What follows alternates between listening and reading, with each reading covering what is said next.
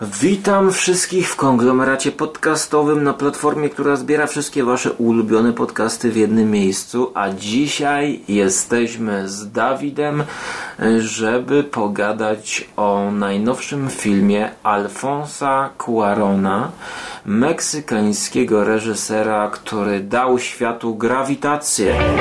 Żarłok i skóra. i Mando, Jerry Bogusia. trzyma. oraz nasi goście. Konglomerat Podcastowy. Wasze ulubione podcasty w jednym miejscu. zapraszamy. Zapraszamy, zapraszamy. Zapraszamy. Zapraszamy.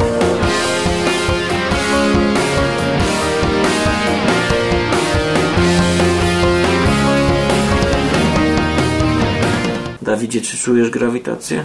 Czuję grawitację codziennie, nie podoba mi się ten film. No, czy już mamy konflikt na samym początku? Był to film, w którym przez dwie godziny męczono biedną Sandrę Bullock. A No. czy ty jesteś zakochany w Sandrze tak bardzo, że Nie. ci było jej szkoda? Nie, ale nie podobał mi się ten Ale byłeś na nim w kinie? Nie. A no to nie dziwię się, że ci się nie podobał. Przecież to jest film przeznaczony do oglądania w kinie. A czy twoim zdaniem Roma jest przeznaczona do oglądania w kinie, czy raczej... Wydaje mi się, że rozmawiałem z kilkoma osobami, które oglądały Romę w kinie i mówiły mi, że i oglądają ją dwa razy przez to, bo też złapały ją na, na Netflixie i, i mówiły mi, że zdecydowanie w kinie jest lepiej, że ten film dużo bardziej wybrzmiewa w kinie. No też mi się tak wydaje. Moje podejścia były ciężkie. Czy udało ci się to obejrzeć tak Podchodziłem do tego filmu pięć albo sześć razy i za każdym razem kończyłem mniej więcej 6 minut po tym, jak film się rozpoczyna i zaczynałem robić coś innego, bo nie mogłem się skupić i dochodziłem do wniosku, że nie dam rady tego obejrzeć. Ale później przysiadłem do tego filmu i już obejrzałem go na raz i się naprawdę bardzo, bardzo się wciągnąłem. Ja też miałem takie mm, zwątpienie na początku. Powolna narracja, czarno-białe zdjęcia, nie jest atrakcyjnie. E, Reżyser od samych pierwszych scen się nie podlizuje widzowi, tylko jeszcze patrząc na wskaźnik czasu, ile to będzie trwało, to no 2 godziny 15 minut chyba. To jest e, coś, co w dzisiejszych czasach e, mnie zniechęca trochę.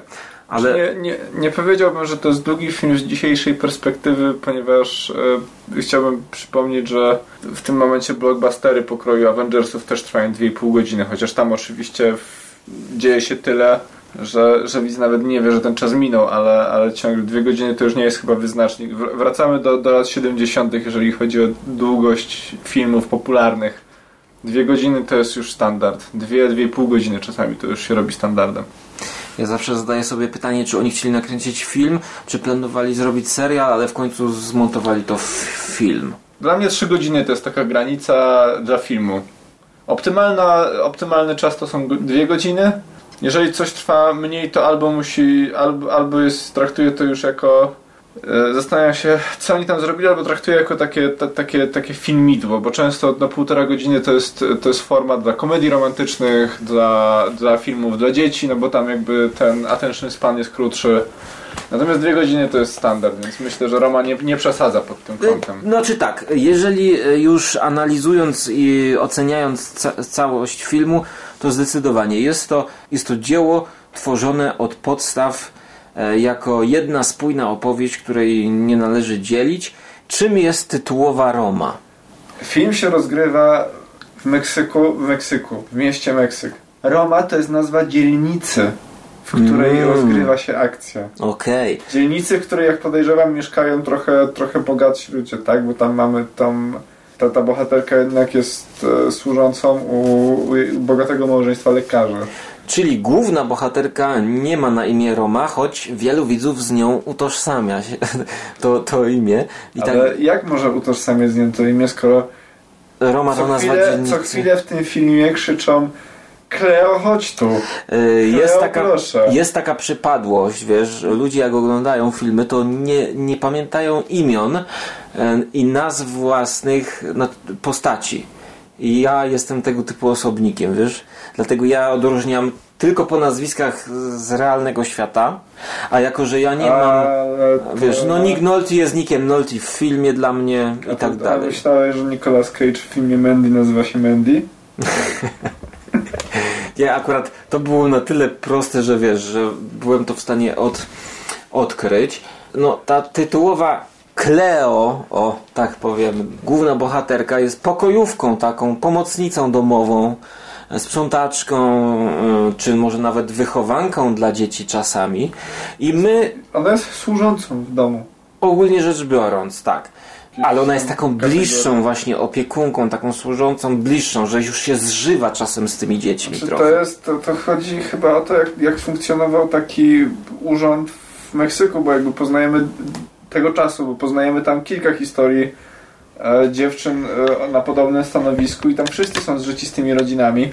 Natomiast ta dziewczyna, no ona się zajmuje usługiwaniem państwu i wszystkim, wszystkim w domu, sprzątaniem i zajmuje się opieką nad dziećmi w, tej, w takiej kategorii, mm, powiedzielibyśmy, wykonywania brudnej roboty za rodziców przy dzieciach. Oczywiście wywiązuje się między nimi e, relacja, bo ona mieszka przy tym domu e, i oni są troszkę, troszkę jak rodzina, chociaż ona Mhm. oczywiście jest traktowany jako taki członek rodziny e, niższego stopnia, z którego się Taki wymaga pewnych rzeczy. trochę. Trochę jak taki podczłonek, jak taki, jak taki podczłowiek też. I jeżeli już przy tym jesteśmy, to chciałbym zauważyć, że znaczy to jest w ogóle istotne jako tam komentarz społeczny do tych czasów. Bo kto jest rodowitym mieszkańcem Meksyku w tym, e, w tym filmie? Ona czy jej, e, czy jej pracodawcy? No jest trochę przewrócone, że ona jest. Ona jest, bo tak było, bo większość, e, tak powiedzielibyśmy, native Mexicans, Mhm. e, właśnie to, to jest też ten kontekst tam polityczny pokazany. Oni byli z wiosek, wypędzani im, państwo zagarniało im ziemię. Oni jakby popadali w skrajne ubóstwo, mimo że to, to była ich ziemia historycznie, czy tam e, to, to po prostu należało do nich e, z dziada pradziada. I XX wiek przyniósł takie, a nie inne zmiany i nagle rodowici mieszkańcy Meksyku byli zmuszeni tak naprawdę podjąć się pracy, która polegała na, na, na służbie. Tam nawet nie wiem, czy akurat to, to małżeństwo pokazane w, e, w filmie, oni są chyba Meksykanami już e, z pochodzenia, tak mi się wydaje, chociaż tam gdzieś ktoś wspomina, że ktoś jest Amerykanką, że ma pochodzenie amerykańskie, więc oni nie są stamtąd do końca. Oni wyglądają jak Amerykanie po prostu. Tak.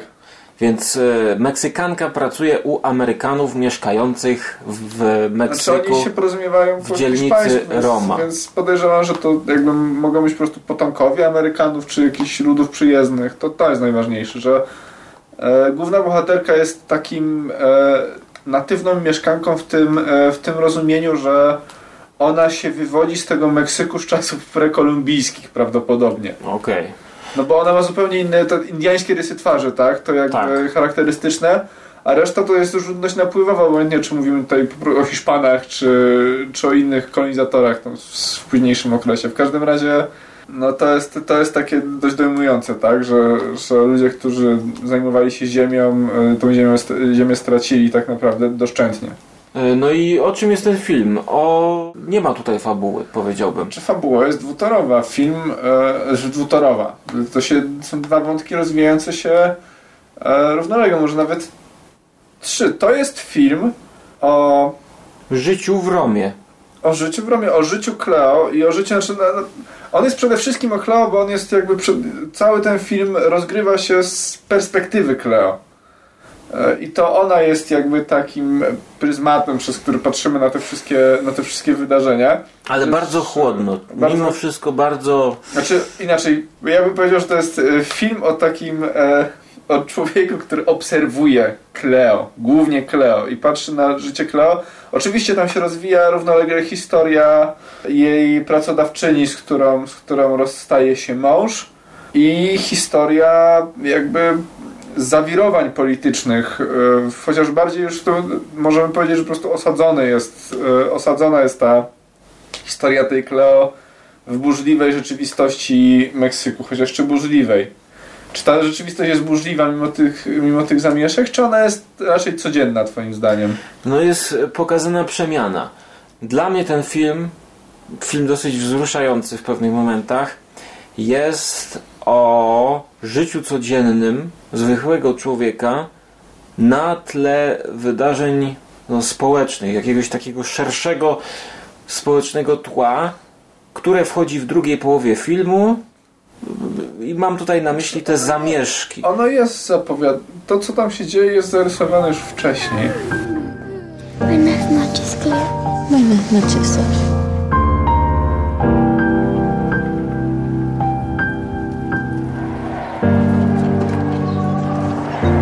No dobrze, i teraz tak rozmawiając tutaj tego zarysie fabuły, to wydaje się, że to jest y, świetny materiał na nudny film, mało porywający.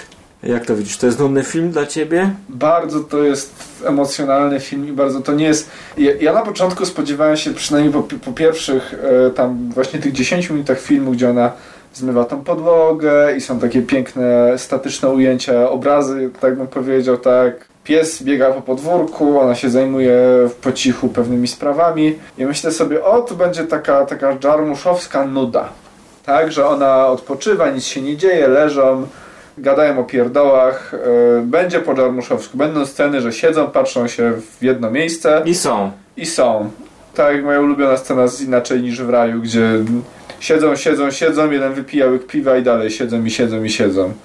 E, Natomiast nie, to jest film, który nawet nie, nie kipi od emocji, bo on, on ma w sobie taką...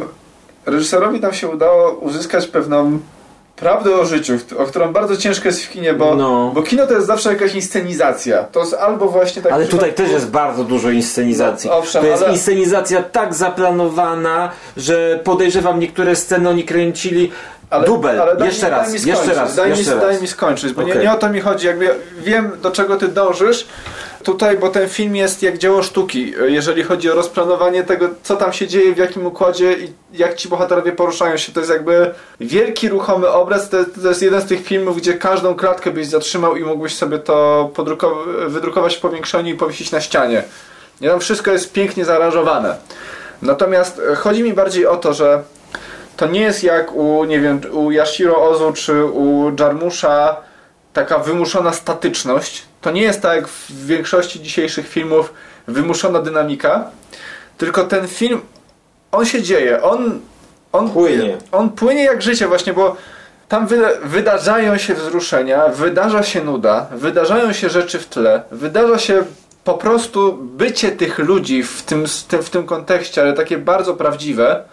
I też mam, ja miałem ten, to czasami takie wrażenie, że ta bohaterka, nawet w tych takich bardzo zainscenizowanych sytuacjach, ona sobie po prostu jest i to jest trochę jak właśnie jak, jak w życiu. Bywa, że w, w życiu zdarzają się sytuacje, które, które, które sprawiają wrażenie bardzo e, nierzeczywistych. Przeważnie to wynika z tego, że ty po prostu nie oczekujesz tych zmian, czy nie zawsze, czy, czy próbujesz nadać większy sens e, rzeczom, które po prostu, po prostu sobie są, bo tak przez przypadek się wydarzyły i to jest coś, co jest największą siłą tego, siłą tego filmu dla mnie. Twórcom udało się złapać to, to coś, co mówi ci o tym, na czym polega codzienność w taki bardzo, bardzo prawdziwy sposób. Znaczy, to jest jedyny, jedyny chyba film, jaki, jaki widziałem, który tak bardzo uchwycił naturę zwyczajności, ale nie w sposób taki, żeby ją e, wywyższyć, tylko całą tą swoją inscenizacją i tym, jak jest, jak jest, jak precyzyjnie jest wycyzelowany, on uchwycił taką niesamowitą prawdę o życiu. I to nie o życiu jakimś tam, tylko o życiu, e, o charakterze życia w samym jego istocie. Znaczy, tak, bo ja się zgadzam, że ten film jest uniwersalny. To, co tutaj mówiliśmy o historii, to nie ma znaczenia tak naprawdę. To, to równie dobrze mogłoby się odbywać tam nie, na Kaukazie gdzieś, Znaczy, w gdziekolwiek. tym filmie nie, nie chodzi tyle o co, co chodzi o to jak. Tak. Mhm, mhm. E, Choć też chodzi o co, bo jednak mamy tutaj do czynienia z wydarzeniami, które pojawiają się w życiu e, każdego przeciętnego człowieka, czy może raczej to, co reżyser postrzega świat oczami e, Dzieci. głównej bohaterki, Cleo. Ja myślę, że reżyser bardziej, bardziej jest w tych, e, w tych dzieciach, które też tak trochę nieświadomie patrzą na ten świat. Ale dzieci potem w drugiej połowie chyba na dalszy plan troszeczkę schodzą. Ja wiem, prawie, prawie Chociaż toną, nie, nie? coś Ale- się... One nie schodzą na dalszy plan. Te dzieci są też dosyć istotnym jakby bohaterem zbiorowym. akurat jak już jesteśmy przy tym, to chciałbym się zapytać, czy podobały Ci się te poetyckie i niemalże jak, jak u Feliniego sceny, jak oni właśnie imprezują, czy to jak oni idą przez ten las e, i te dzieci w tych strojach astronautów przechodzą przez ten las, pamiętasz to? Pamiętam. Bardzo poetyckie sceny. One mi się kojarzyły ze scenami z La Dolce Vita, tych imprez trochę. Właśnie były takie, Tak. Taki oniryczny splin. No typowo felinowskie, czy fe, felinow... Bardzo to było. Feli, typowo w stylu Feliniego.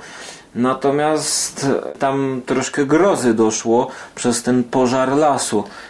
Tak, chociaż pożar też właśnie, pożar obserwowaliśmy, bo to był nowy rok, to, to tam też bardzo, bardzo fajnie pokazano, ale to akurat w kontekście społecznym, różnice między zabawą, e, znaczy różnice właśnie to, że nie, nie bardzo się różniła zabawa tych, tych snobów, chociaż może była mniej prawdziwa i bardziej taka, taka na pokaz od zabawy tych, e, tych mieszkańców tej wioski. Tak pamiętasz, tam Klaus chodzi do piwnicy z taką, e, do takiej gospody, z taką starszą służącą.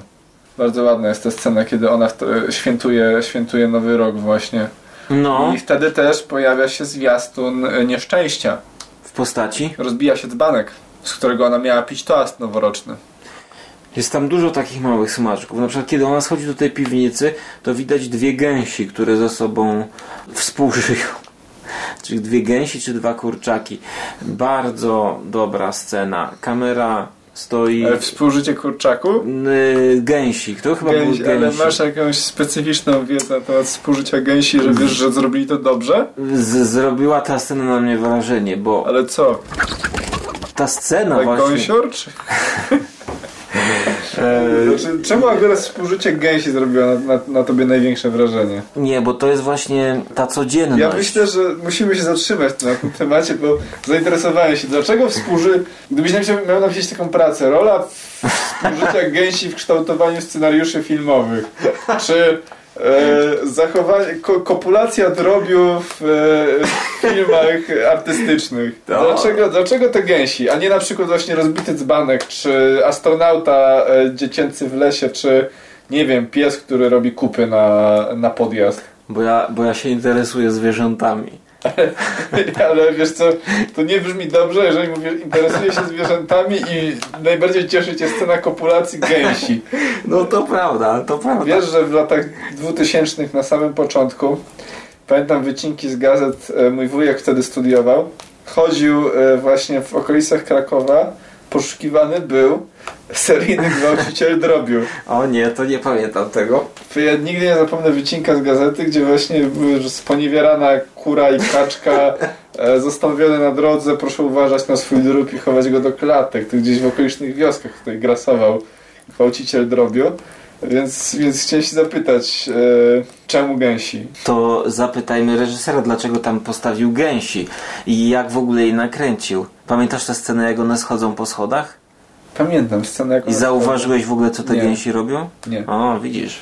E, Nie, nie zwracasz uwagi na Natomiast co zwierzęta. ciekawe, samych scen erotycznych tam nie ma w tym filmie, nie? No nie ma właśnie. Jest... Nie ma, jak ta, jak ta bohaterka, bo ona, no, no tak, no pojawia się, pojawia Poznaje- się ciąże, poznaje tego, tego mężczyznę swojego, to Mężczyznę, który jest e, fascynatem sztuk walki. wyciągniętym ze slumsów jest takim, on chyba jest symbolem takim, e, ba, bardzo szer- szerokim symbolem młodych ludzi z, wyciągniętych z biedy przez państwo, których, którymi było bardzo łatwo manipulować i na przykład poprzez właśnie jakąś filozofię wschodu, bo wtedy był niesamowity szał, nie? W, w latach 70., bo to 71 e, to, to jest, e, wtedy rozgrywa się akcja tego filmu. Lata 70. to jest też Bruce Lee i gigantyczna popularność sztuk walki na całym świecie, chyba największa, nie było później takiej popularności. Tak. W Polsce no to to było dekadę później, bo do nas te filmy z Bruce'em Lee doszły dekadę później, ale na świecie 70 lata chyba to No i jest. to tak wygląda, jakby ten facet, który e, potem wchodzi z Kleo do łóżka e, i robi jej dziecko i ją zostawia, no to ta jest taki zafascynowany sztukami walki. No a jak tobie się podobała scena tańca bez muzyki? To nie był taniec, to, była, to był układ, który on zresztą e, Zademonstrował układ. zademonstrował. To był układ walki e, kijem. Ja myślę, że jakby, jakbyś to analizował ktoś, kto się w ogóle troszkę chociaż nad tym zna, ja się zupełnie nie zna na takich kwestiach jak, jak, jak, jak sztuki walki. Natomiast no prawdopodobnie jakiś jeden konkretny, konkretny układ ruchów, który się wykorzystuje na ćwiczeniach zaprezentował. Na Golasa. Na Golasa. Bo on tam trochę powywijał tym... e, Jezus, nie to... Mieczem. Trochę powywijał tym kijem na Golasa. Ale do, dość efektownie trzeba by jeszcze powiedzieć, bo, bo to, to, to jest też tak. Wymaga jakichś, jakichś umiejętności i zaprezentował po prostu, jak ja to mówię, kung fu sztuczkę. Tak trochę jak wiesz, jak świętej pamięci Bruce Lee wywijał nunchako jako jedna z niewielu osób chyba, która, która rzeczywiście to potrafi robić. To, to on też jakby w tych filmach nawet nie tyle walczył, co takie układy prezentował, nie? Bo to odstraszacze, tak bym powiedział. Takie Przerażacze na polu walki. E, No ale ja też chciałem zaprezentować tę scenę na swoim Instagramie, na relacjach i wrzuci... zabronił ci na pewno. wrzuciłem właśnie i mi po pięciu sekundach wyszło ostrzeżenie, że jeżeli będę wrzucał porno jeszcze raz, to może mi ci zablokować konto. No to trzeba było wrzucać, ale wiesz co, Instagram i Facebook już, one chyba źle traktują nawet jakbyś bez koszulki tam tego, w sensie jakby go od pasa w górę przedstawił tam, to też by ci to raczej nie Nie, chyba tylko o sutki chodzi. Znaczy w tym przypadku wszystko było, tak? Ja nie wiem jak No. oni to... To nie robią oni tego, oni tylko algorytm, który... e, No wiem algorytm, ale to było bardzo małe. To co tam się działo, bo ja to włożyłem tak jak jest, wiesz, W technokratycznych rzeczywistościach Facebooka i Instagrama, które są de facto jedną firmą, bo to, znaczy no jest jedno, to jest po prostu Facebook. Mamy taki neopurytanizm. ale czy teraz Insta jest Facebooka, tak? Tak? Zuckerberga? No, w- w- Okej, no dobra, ale to 2004 taki mnie- mniejsza o to, że mi tam konto na Czy Instagram. Instagram jest Facebooka, czy Roma jest filmem, o który jakby, jakby ci ktoś pokazał Romę i nie powiedział ci, kogo to jest film, to czy poznałbyś reżysera? No nie. Raczej nie. Czy oglądałeś jakieś inne filmy e, tego reżysera poza Harry Potterem 3 i Grawitacją? Children of Men. A to jest też jego? No, to jest znakomity A, no film. to dobra, najlepszy film pierwszej dekady XXI wieku. No jeden z lepszych filmów SF, moim zdaniem. No właśnie. tak, tak, dobra. No to właśnie, w ogóle, to, to, a coś wcześniej? Bo ja tak szczerze... Były, były jeszcze jakieś filmy, ale To jest taki takie... reżyser, którego ja wiesz, nie kojarzę z niczego, a tak naprawdę to on zazwyczaj właśnie, nawet ten Harry Potter, głupi seria blockbusterowa, jak on się tego dotknął, to zamienił, zrobił naj, absolutnie najlepszą ze wszystkich jakby ekranizacji. On miał tą trzecią część, to jakby miał bardzo niełatwe zadanie, a to jest chyba najlepszy film z tej serii, jeżeli chodzi o, o warsztat reżyserski. No, czyli tutaj e, reżyser pokazuje nam coś zupełnie e, nowego. Pytanie, czy się sprawdza w tej roli takiego pokornego obserwatora rzeczywistości, czy dokumentatora. To ten film jest dosyć taki dokumentalny, powiedziałbym. Taki trochę jakbym oglądał dokument. Na przykład w scenie narodzin. No, zrobiła e, na mnie spore wrażenie, bo w scenie narodzin kamera jest ustawiona bokiem do łóżka, na którym Cleo siedzi. E, widzimy scenę porodu nieruchomo. E, dziecko wychodzi i po chwili okazuje się, że dziecko jest nieżywe. Lekarz podchodzi z tym niemowlakiem do Kleo po, po, pokazać je i mówi tylko słowo, żeby się pożegnała. I mamy dwa plany w kompozycji kadru. Plan pierwszy, na którym jest łóżko duże i siedzi Kleo i plan drugi, dalszy, gdzie jest mniejsze łóżko. Mm, To jest w takiej dalszej perspektywie, w odległości. Lekarz bierze to dziecko i zaczyna je zawijać, przygotowywać do jakiegoś pochówku, czy do mm, po prostu no, no, no martwe dziecko zawija i, i opatruje i tam robi swoje. A Kleo, która dopiero co urodziła dzieciaka, Musi go już pożegnać. no właściwie nawet nie jest w stanie wstać z tego łóżka, nie jest w stanie nic zrobić. I podobnie tak jak widz, wiesz, Tak. ja się czułem tak jak ona, że No, bezradność. Jesteś bezsilny, zupełnie jest- bez tragicznej sytuacji. To jest ona znakomita Ona scena. bardzo długo wybrzmiewa ta scena. To jest Bardzo znakomita długo. scena pokazująca właśnie bezradność. Chcesz poczuć się bezradny? Dojdź do tej sceny i, i zobacz jak to jest. ale dzięki temu być może bohaterka ma w sobie siłę, żeby późniejszym etapie e, ratować dzieci. Bo mamy podobny trochę zabieg ukazania bohaterki z perspektywy, z boku, która to bohaterka jest na plaży. Dostrzega coś w morzu, w oddali i kamera wraz z nią, niczym w, w jakiejś platformówce, idzie powolutku w stronę morza, w stronę fal. Bohaterka wchodzi i widzimy, co się dzieje tylko z reakcji Cleo. Ona zaczyna panikować, krzyczeć, wzywać, mówić do innych dzieci: ratujcie go, ratujcie go.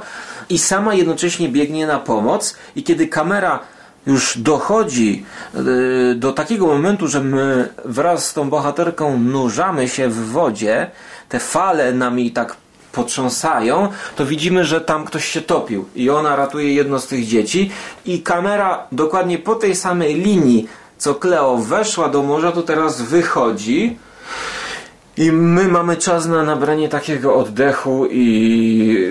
No, mamy chwilę odpoczynku, Może- która następuje też chyba... Ale my sobie możemy powiedzieć, o kurczę, właśnie oglądaliśmy przerażającą scenę akcji.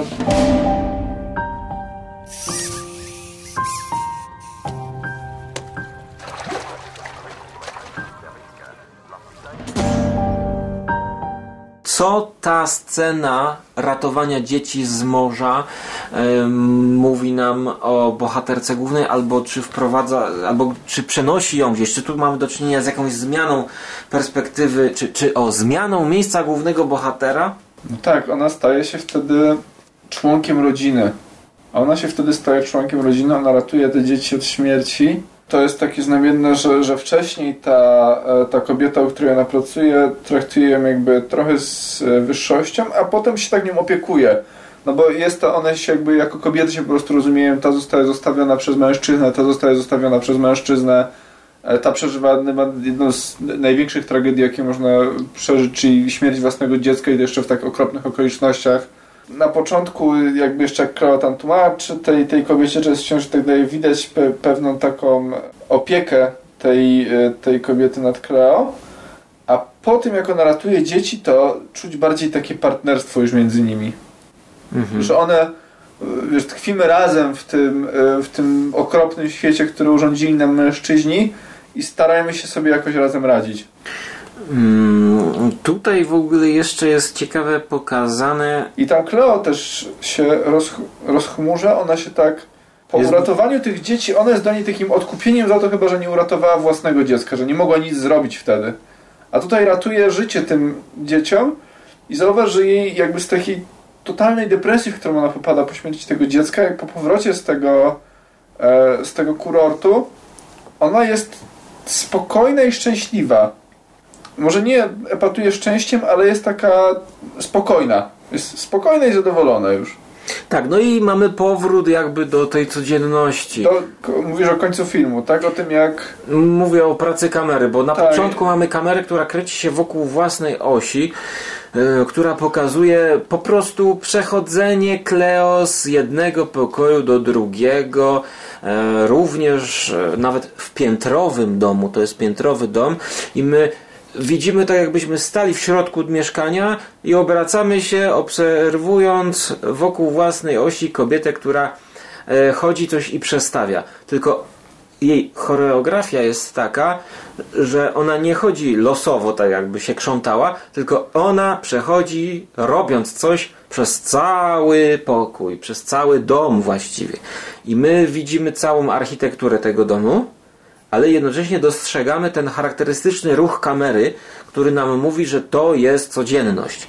I potem, kiedy pod koniec my mamy ten sam ruch kamery pokazujący nam e, Cleo, która też przychodzi, wychodzi, znowu wchodzi jeszcze wyżej, tam jest koniec, to my wtedy mówimy, no to może świat jest w stanie wrócić tam do tej codzienności, do tego punktu wyjścia, nie? I dalej się będzie toczyć.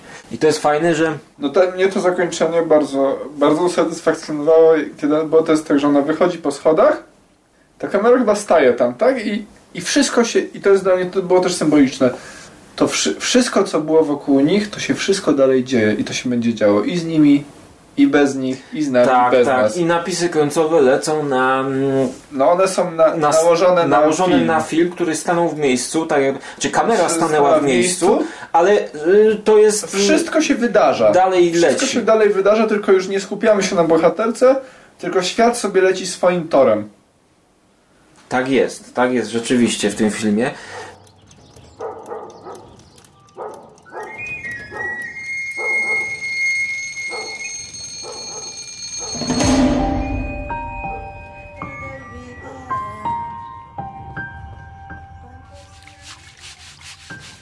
Ja nie czytałem żadnej recenzji, ale on miał bardzo takie dobre publicity w sieci. Na niego bardzo się czekano. Jak ja się spotykałem z moimi znajomymi, powiedzmy, że te, te, takimi ludźmi, którzy, którzy jak ju- już się wybierają do, do kina, to faktycznie coś ambitniejszego, czy z ludźmi związanymi ze światem kultury, też jakiejś tam kultury wysokiej, to oni wszyscy czekali na ten film.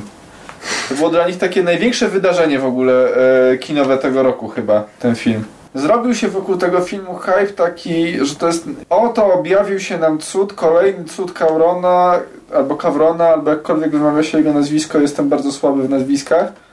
Czy to jest jeden z najwybitniejszych filmów e, zeszłego roku? Czy to jest film, znaczy ja nie, nie, nie mówię może Jednym o naj- Oscarach, i na pewno nie były bardziej wybitne niż e, Mandy i Hereditary. Ja bym tak powiedział, że ciężko jest porównywać. Ja nie jestem fanem takich, wiesz, zestawień najwybitniejszy i czy znowu, czy on się nadaje do Oscarów, A, ale czy, nie, nie, czy właśnie zasługuje nie chodzi mnie, za to, za tamto. To, nie mówmy o żadnym, wiesz, nagrody Akademii nie są ważne. Złoty Glob dostał, dostał beznadziejny Bohemian Rhapsody Nagro i pewnie dostanie drugiego Oscara, więc nagrody są mało, mało istotne, ale No to pytasz o co? e, ja Cię pytam o to, bo jakby dochodzimy w jakichś momentach, nawet pod koniec roku, już nie mówię o zestawieniach właśnie nagrody, do takich że możemy sobie powiedzieć, to był ważny film, to był naprawdę jakiś przełomowy film. Ten film się naprawdę wyróżnił w tym roku e, jakby w całej przestrzeni przemysłu filmowego. Czy to jest taki film?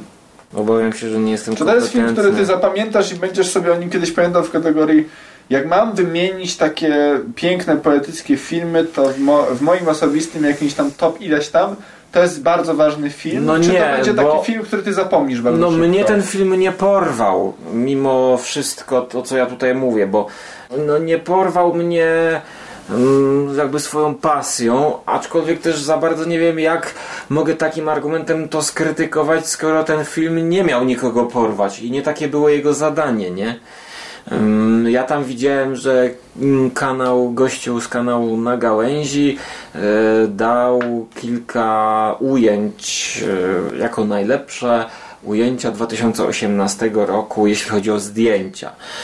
Ale on się specjalizuje w aparatorce. Nie? no, no tu fajne są te zdjęcia, ale jakoś też, no nawet same zdjęcia na mnie nie zrobiły jakiegoś takiego wrażenia, wiesz, że ja już wiele rzeczy z tego widziałem.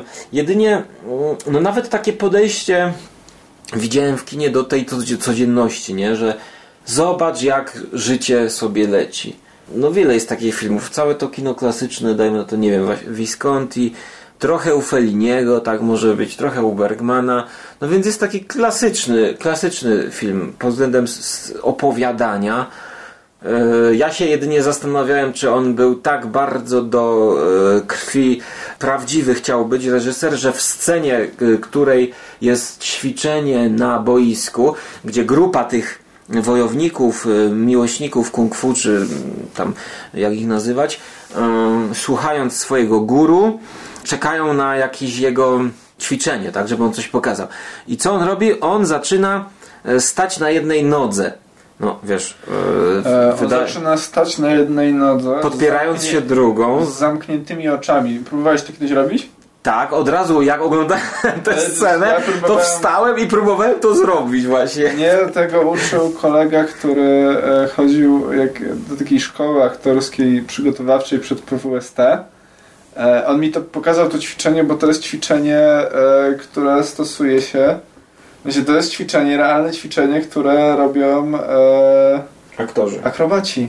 akrobaci, no. Ale to, No to to jest, bo, to, bo wtedy ci błędnik wariuje, bo ty nie masz punktu odniesienia i jakby jeżeli jesteś w stanie, bo to można tak ustać, to się da wyćwiczyć. no ja to chyba wyćwiczyłem kiedyś, bo ja dużo na rowerze utrzymywałem e, równowagi. ostatnio się nauczyłem na deskorolce kapitalnie jeździć.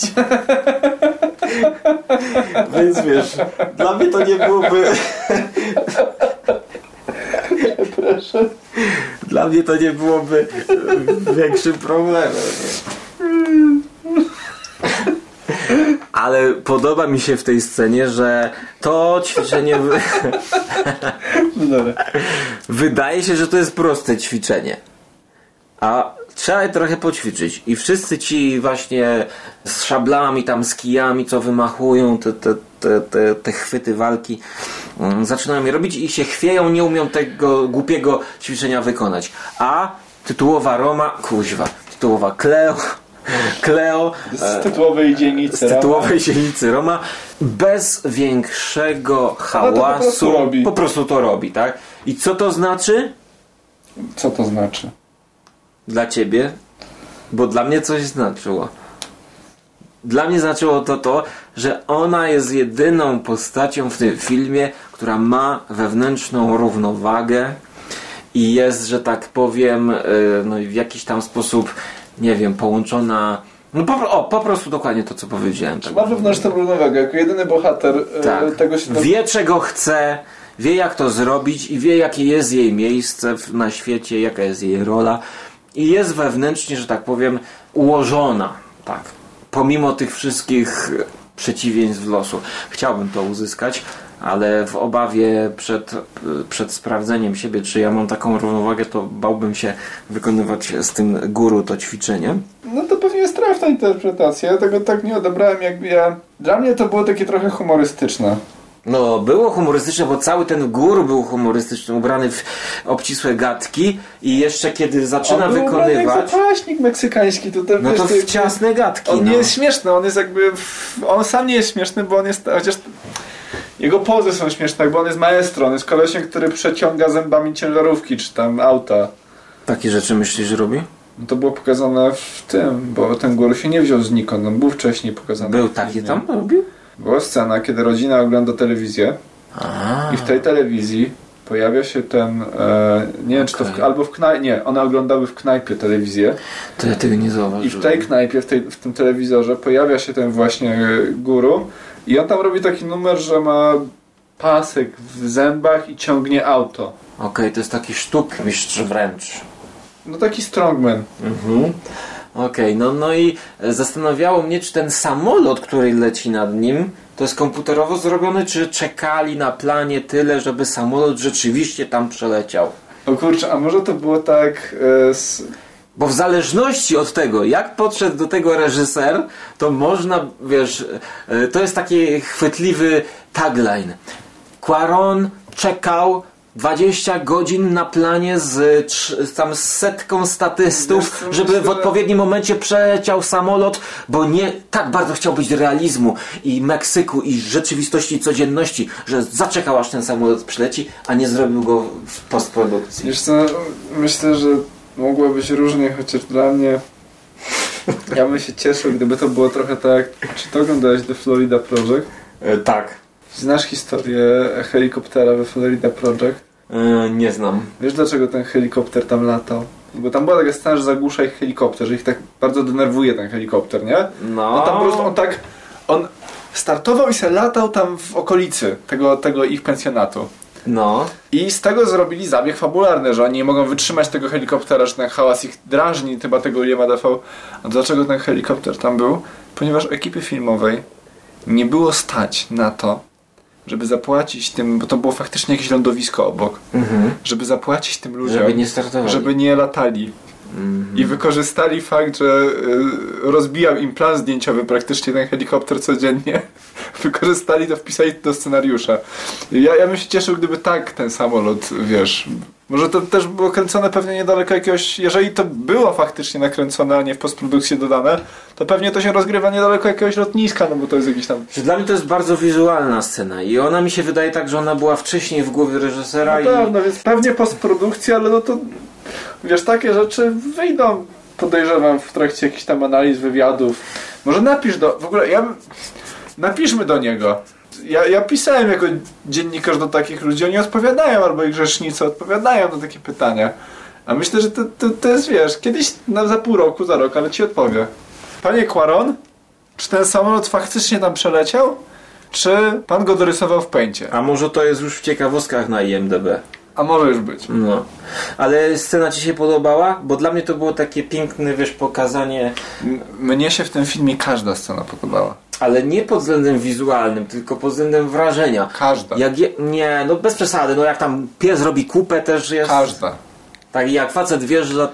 Każda. jeden- Każda. To jest poetyka codzienności. No, ale poetyka codzienności. Przesadzasz, Piękny film. przesadzasz, że tam każda scena jest. Każda. ten- To jest kręc. Według mnie, owszem, zdjęcia są dobre, w tym filmie. ale według mnie zbytnią uwagę dzisiaj przywiązuje się do tego, czy kadr zastopowany można sobie powiesić na e, tym.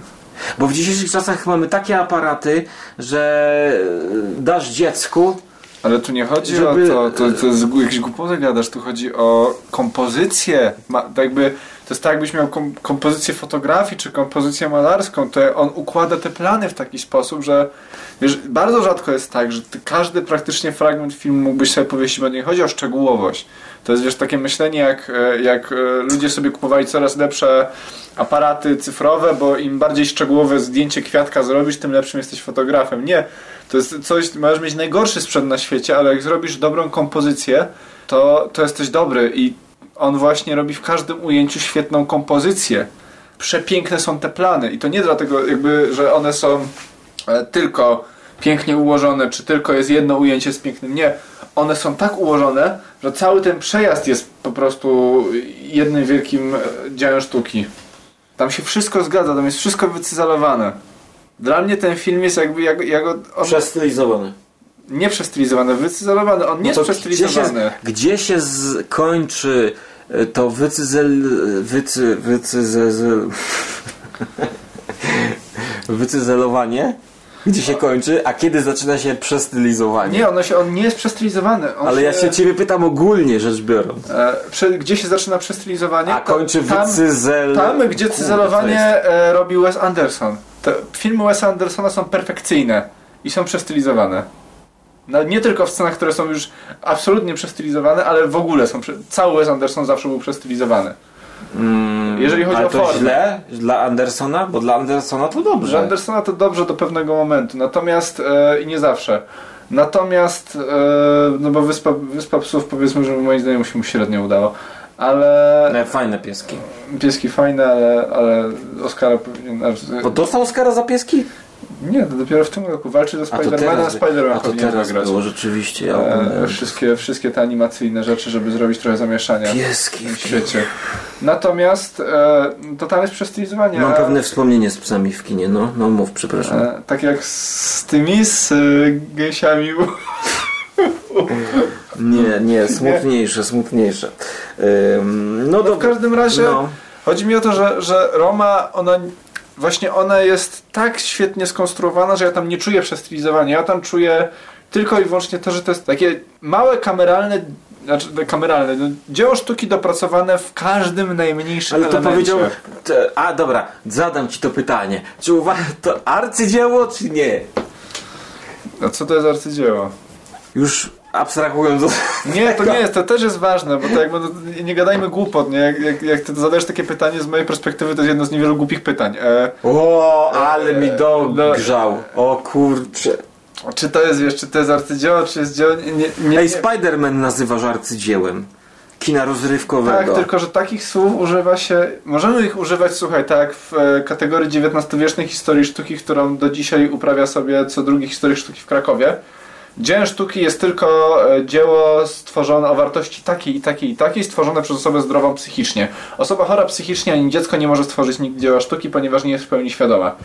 Chcemy używać takich kategorii, no mi się za bardzo nie chce, bo to są wszystko kategorie czysto subiektywne, ale to jest pewien skrót myślowy, którego ja używam na coś, co jest moim zdaniem niezwykle dopracowane w formie i robi wrażenie na wielu płaszczyznach na mnie. I, i tyle. Jakby nie, nie, nie czepiałbym się słówka dzieło sztuki czy arcydzieło, wiesz. Nie no, To dzieło jest, sztuki to jest to... dla mnie pewien, znaczy, wiesz, czy, czy dzieło czy arcydzieło. E, tak No mówi, dziełem sztuki jest dzieło, yy, no co jest, nic nie jest. I które nie ma wartości na przykład. To jest Nie, dziełem to nie. sztuki. Używanie każdej twardej kategorii, co się, co, co się bardzo, bardzo długo ciągnęło za nauką, jaką jest historia sztuki, jest idiotyzmem. I to wszystko obalono jeszcze w latach, myślę, 50. E, Ale co obalono? Co jest dziełem sztuki? Czy powiesz, że dziełem sztuki jest na przykład. E, jak ocenisz dzisiaj, jak coś powstaje, czy jest dziełem sztuki? Czy będzie o tym mówiła wartość rynkowa tej rzeczy, czy za 100 lat, 200 lat wartość rynkowa Banksiego dalej będzie przesądzała o tym, że on będzie, e, wiesz, że to będą dzieła sztuki? Nie, te kategorie są płynne cały Nie, ja czas. wiem, że są płynne. Tego mnie nie musisz tłumaczyć, ale mnie chodzi o to po prostu dzieło sztuki versus arcydzieło, to wiadomo, że każde dzieło sztuki wchodzi w, w skład słowa Ja, ja arcydzieło. lubię, dla mnie to nie są. Ja, ja się nie bawię w kategoryzację takich pojęć, bo dla mnie to jest No, e, absolutny kretynizm. Ale ty mówiłeś sam, że Spider-Man jest arcydziełem. To Skrót pytam myślowy. się, czy... No to a, To skrót jest tylko myślowy. skrót myślowy. Jeżeli coś mi się już bardzo podoba, to skrótem myślowym, którego używam, będzie arcydzieło albo dzieło, ale jakby podoba mi się to na wielu płaszczyznach i tyle. Nie, nie drabinkuję tego, nie ma tutaj e, segmentacji, ja nawet nie lubię tych ocen wystawiać gdziekolwiek, bo, bo dla mnie to jest takie jakby odbieranie jakiegokolwiek wytworu kultury jest tak wielopoziomowym doświadczeniem i tak e, złożonym, że wystawienie temu szkolnej oceny jest tak samo głupie jak nasz system edukacji, nie? I każdy system edukacji. Okej, no to I nie. A w skali od 1 do 10 ile byś dał Romie? W skali e, takiego bardzo schematycznego myślenia o tym, jak się ocenia filmy 9. 9 to jest dla mnie coś takiego doskonałe w swojej kategorii. Mhm. Bo dyż, No dyszka tak. to jest coś, z czym czekam na zasadzie nie rozumiem, jak to może być tak dobre. Wychodzi poza moje e, zdolności pojmowania tego, jak dobre może być coś. 9 to jest tak dobre, jak może być w swoim, na swoim poletku. Już bardziej dobre nie może być. No to już dziesiątka, to może właśnie ja mam taki system oceniania, że dziesiątka to jest już coś tak wpasowującego się w mój gust osobisty, że tak bardzo mi się podoba, że jest poza mm, oceną jakąś obiektywną, jakichś kryteriów No, tak. tak. obiektywnych. No to czyli zgadzamy się, że warto obejrzeć ten film. Warto dać sobie szansę, żeby go obejrzeć, bo wiem, że bardzo wiele osób się od tego filmu odbijało po kilkunastu minutach, myśląc, że to będzie takie rozciągnięte i, i, i nudne i artystyczne na siłę, tak w takich kategoriach też jak, jak społecznie się dzisiaj mówi, że to jest artystowskie. A to nie jest artystowski film, to jest ciepły film o, o przeżywaniu codzienności, to jest film bardzo emocjonalny, to jest film bardzo zwyczajny, absolutnie nie artystyczny, ale nie artystowski. Okej, no więc warto się zmusić, warto się mm, zmobilizować.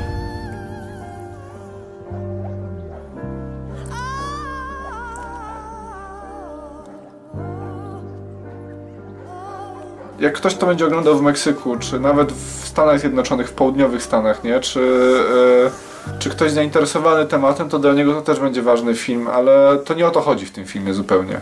Nie o to To jest, umie, tam No. umieszcza, on umieszcza historię w kontekście, ale nie... Ale też mi się wydaje, że to jest pokazany taki właśnie rozpad rodziny na tle tych wydarzeń, czyli że Tak. rodzina się rozpada tam i tutaj i tutaj się ten jej związek rozpada dziecko i wtedy te zamieszki wiesz co? podkreślają to Ta, wszystko. znaczy tam w ogóle bardzo dużo, bo, bo przecież to dziecko ona poroniła w trakcie zamieszek, gdy... O, zauważ, że ona poroniła, kiedy odkryła, że ojciec jest mordercą. Tak. Nie? To, to, tam jakby tam jest mnóstwo takiej I oszczędza jej życie tak jakby. No stres taki był wtedy, że Tak, że poroniła, ale z to. drugiej strony jest też symbolika jakaś, nie? Że kiedy już wszystko się, wszystko się wali, tam masz te, te, też... Jest taka smutna, scena, jak dziewczyna nad martwym ciałem swojego chłopaka krzyczy i płacze. no jest, rzeczywiście dobrze jest to e, zagrane. Tam nikt do niej nie przychodzi, nie ma nikt jej pomóc i nikt się tym nie interesuje. Podejrzewam, że wiele było takich scen w, wojennych filmach, ale tutaj to jest tak troszkę mimochodem pokazane. Właśnie ta, ta zwyczajność tych, tych, tych, bo wiesz, bo tam jakby okej, jak jest, jak tam jest ten zamach, nie, to on się dzieje, no to wygląda trochę jak Tak takie nagle. dokumentalne nagranie, nie, że ktoś, Troszkę. ktoś wpada, zabija tego biednego chłopaka, który tam był goniony chyba i oni co, grożą, grożą, wychodzą, nie uciekają e, i, i, tyle. I ta, w ogóle całe to zabójstwo jest takie banalne, nie, że chłop Tak. stoi, strzał pada, oni, oni sobie Nie wiadomo po co, nie wiadomo Nie wiesz, skąd. nie wiesz kto, nie wiesz skąd, tak. I całe te zamieszki są pokazane, jakby masz ujęcie z okna, które bardzo przypomina to, jak się kręci takie wydarzenia właśnie w takiej skali makro, żeby pokazać ich ten, a potem, telewizji. a potem schodzić to do mikro i widzisz, jakie to wszystko jest banalne i jakie to wszystko jest właśnie Przerażające. przerażające w tym, jak jest, w sensie, że te, te, też to takie zwyczajność tych wydarzeń, to, że one się mogą stać w zasadzie w każdym kontekście, e, w każdej sytuacji, pokazuje ci, jakie one są straszne, nie? Ale że to też jest część życia, no bo to jakby, jakby nie patrzeć, nie są rzeczy, które, które się dzieją e, tylko w, na ekranie, to są rzeczy, które się przydarzają cały czas wszędzie. Nas trochę media nauczyły, że, że, że powinniśmy po prostu większą symbolikę takim zdarzeniom przypisywać, a one nie mają żadnej symboliki. Jak ktoś kogoś zastrzeli, to, to przede wszystkim jest morderstwo. Czy to jest, wiesz, wielka, wielka rzecz, czy nie, ciężko to powiedzieć, ale ludzie się zabijają od tysięcy lat i jakby teraz troszeczkę inną, inną percepcję czegoś takiego mamy, nie? No, Ale powiedziałeś przed tym, że symbolika tam jest, że tam Jest, zabija, jest, strzela. No pojawia się Ojciec. ojciec, który. No tak, tam. Ja myślę, że jakbyś zaczął. że ten film będzie świetną rzeczą do analizowania go tak scena po scenie e, i, i właśnie e, analizowania sobie symboliki poszczególnych, e, poszczególnych planów. Tam. No wystarczy wziąć na przykład e, z, ze sceny Sylwestra ten, ten strój, można się wgłębić, co to jest za strój, strój, jakie- czy jaka był tradycja. Dlaczego to dziecko w tym stroju astronauty tam chodzi, bo to też. Znaczy to pewnie Kauron się wybaczy, czy Kawron. Ja, nie, jak to się wymawia? Ty, Nie wiem, ja bym Kauron to czytam, Kauron. Kaurona, ale Że to, on- że ten ja tam grawitację od razu Właśnie, że widziałem. to jest jakieś takie oczko, że ej, Dokładnie. ja robiłem grawitację. No, no, no, no, no. Nie? Dokładnie. No dobra, no to my już na dzisiaj żegnamy i jak widzicie, niby taki prosty film, niby nic blockbusterowego, a jednak robi wrażenie, e, choć trzeba mieć zacięcie, żeby do tego podejść i trzeba się A, a, a nastawić. gdybyście chcieli filmu na całkowicie przeciwległym końcu Biegunie. biegunie, to jest taki polski film, gdzie jest wadka akcja, żadnego scenariusza, świetna obsada aktorska, znane, znane twarze e, w niebanalnych e, wydaniach, jakby na przykład Cezary Żak jako okrutny organizator walk ulicznych. A to, się e, świetnie. E, Jaki to film? Je- Przekonacie się w następnym odcinku. Do usłyszenia. Chcesz iść na ten film do kina? Nie, ja nie, ja nie. You finished? That's it, man. Game over, man. It's game over. Fuck are we gonna do now? What are we gonna do? It's over. Nothing is over. Nothing. You just don't turn it off.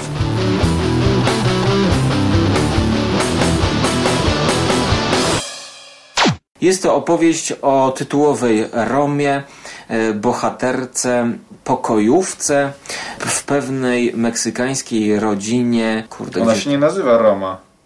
Ona nie ma na imię. Ona ma na imię Cleo i mogłeś to zauważyć. Kuźwa.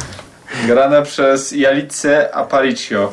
Czy ona jest Kle... To Roma jest... Cleo, oni często tam się zwracają do niej. E, To Roma jest nazwa na mi- miasto, tak? nie mam co to pojęcia. jest Roma w nie- takim nie, razie mam pojęcia. tytułowa? Nie, nie mam pojęcia, co to jest Roma tytułowa. Muszę to wszystko teraz wycinać, bo taki ten... y, Co? Ja myślałem, że ona ma na imię Roma, jak jestem głupi. Nie, nie ma imię Roma, ma na imię Cleo. O kuźwa.